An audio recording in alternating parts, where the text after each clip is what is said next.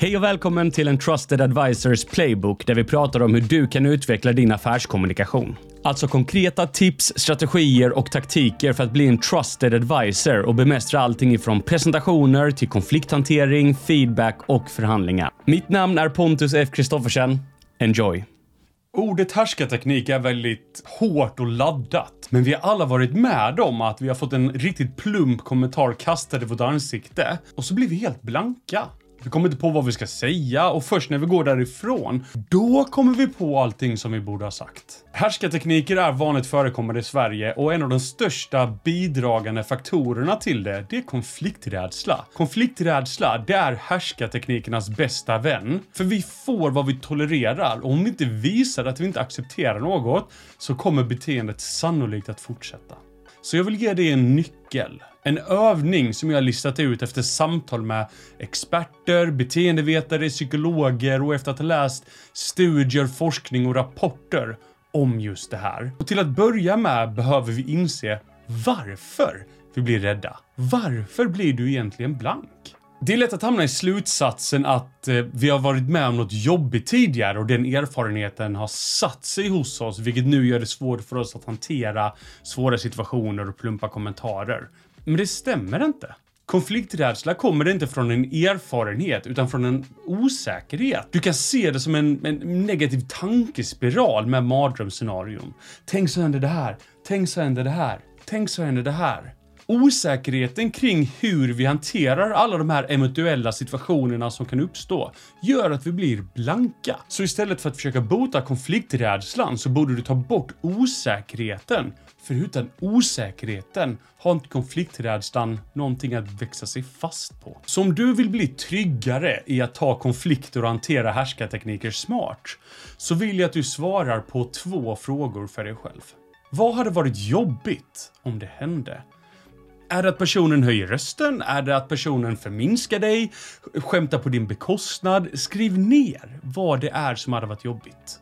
Hej, Pontus här. Jag vill bara komma med en snabb rekommendation att om du gillar det här innehållet, se till att lägga till mig på YouTube och LinkedIn där jag delar med mig av den här typen av innehåll i korta och lärorika klipp. Tillbaka till avsnittet.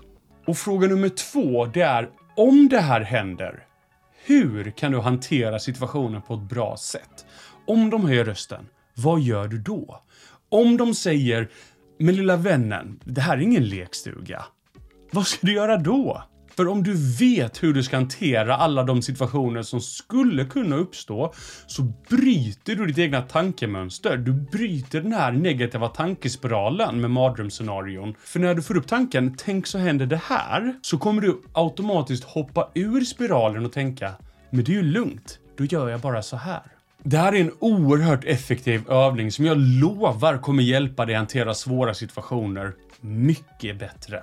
Men frågan återstår. Vad ska man säga då? Vad är motstrategin mot härskartekniker?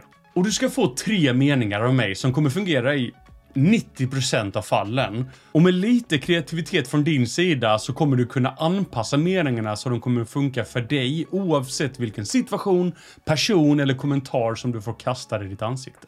Till att börja med så är det viktigt att komma ihåg att nyckeln för att hantera situationer som de här och komma ut som en vinnare så ska du inte ge igen, utan du ska ge tillbaka.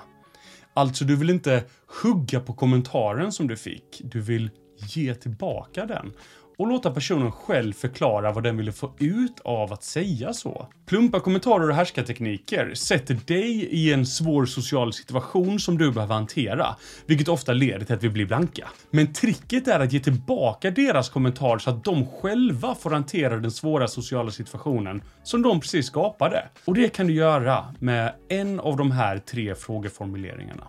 Så om någon säger, men lilla vännen, det här är ingen lekstuga. Då kan du svara, förlåt, när du kallar mig lilla vännen, vad menar du med det?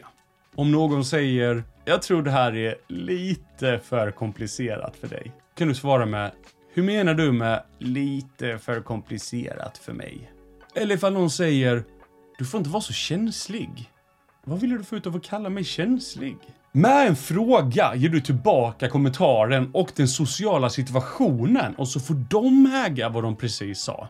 Det är mycket smartare och mycket mer effektivt än att hugga på kommentaren och säga något oskönt tillbaka. Men lita inte på mig, testa själv, för du kommer bli förvånad över hur bra det här funkar. Så det var allt för det här avsnittet.